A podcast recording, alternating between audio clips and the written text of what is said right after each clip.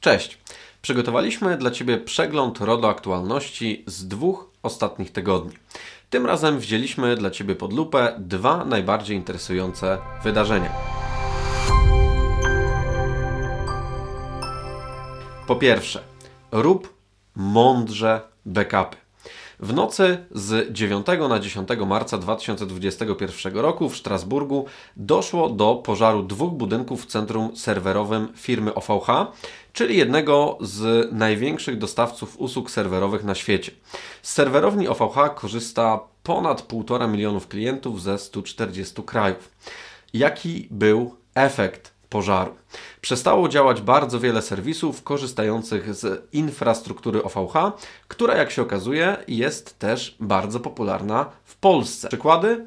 Proszę bardzo. Bonito.pl, Katolicka Agencja Informacyjna, toprowe serwisy lawinytopr.pl i pogodatopr.pl.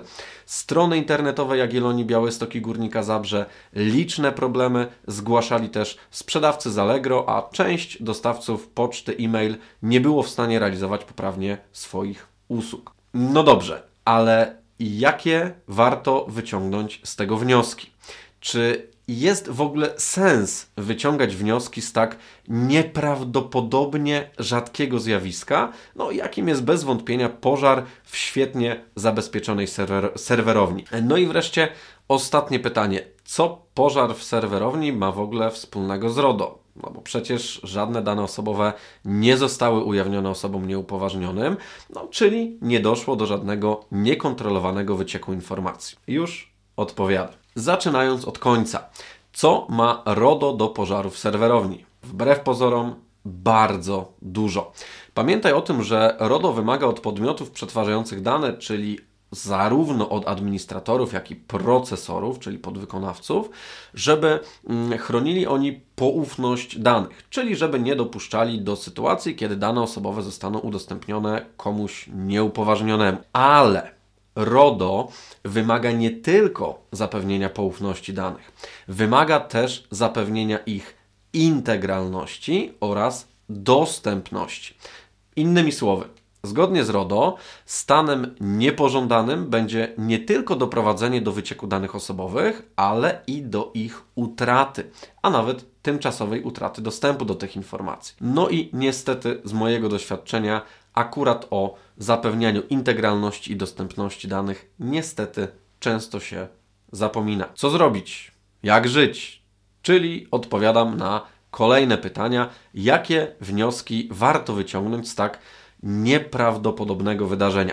Po pierwsze, rzeczywiście pożar serwerowni jest zjawiskiem niezwykle rzadkim. Właściciele serwerowni łożą ogromne środki na to, żeby mm, zabezpieczyć swoje data center przed ogniem, zalaniem, przegrzaniem, przepięciem, kradzieżą itd. Pożar serwerowni jest więc tak zwanym czarnym łabędziem, czyli zjawiskiem niezwykle rzadkim, którego dlatego, że jest niezwykle rzadkie, prawie nikt się nie spodziewa, ale skutki zmaterializowania się tego zagrożenia mogą być opłakane. Przykładem takich czarnych łabędzi, i tutaj swoją drogą bardzo Ci polecam świetną książkę e, Nasima Nikolasa Taleba właśnie o tym samym tytule, czyli Czarny Łabędź.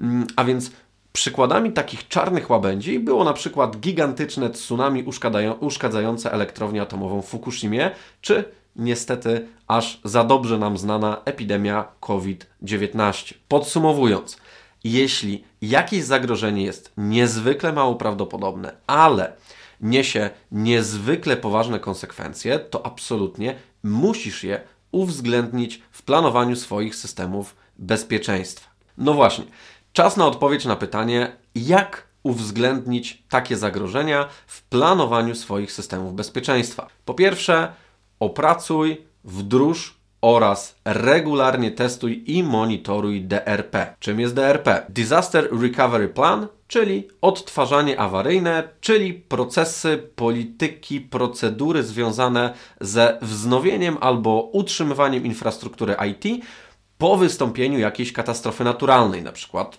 pożaru serwerowni. Ale e, winna może być nie tylko matka natura. Pamiętajmy o tym, że może być to równie dobrze katastrofa wywołana przez błąd człowieka. Po drugie, nie stosuj backupów. stosuj skuteczne backupy. Najprostszą metodą do osiągnięcia tego celu jest stosowanie zasady 3-2-1. Co ona oznacza w praktyce? 3.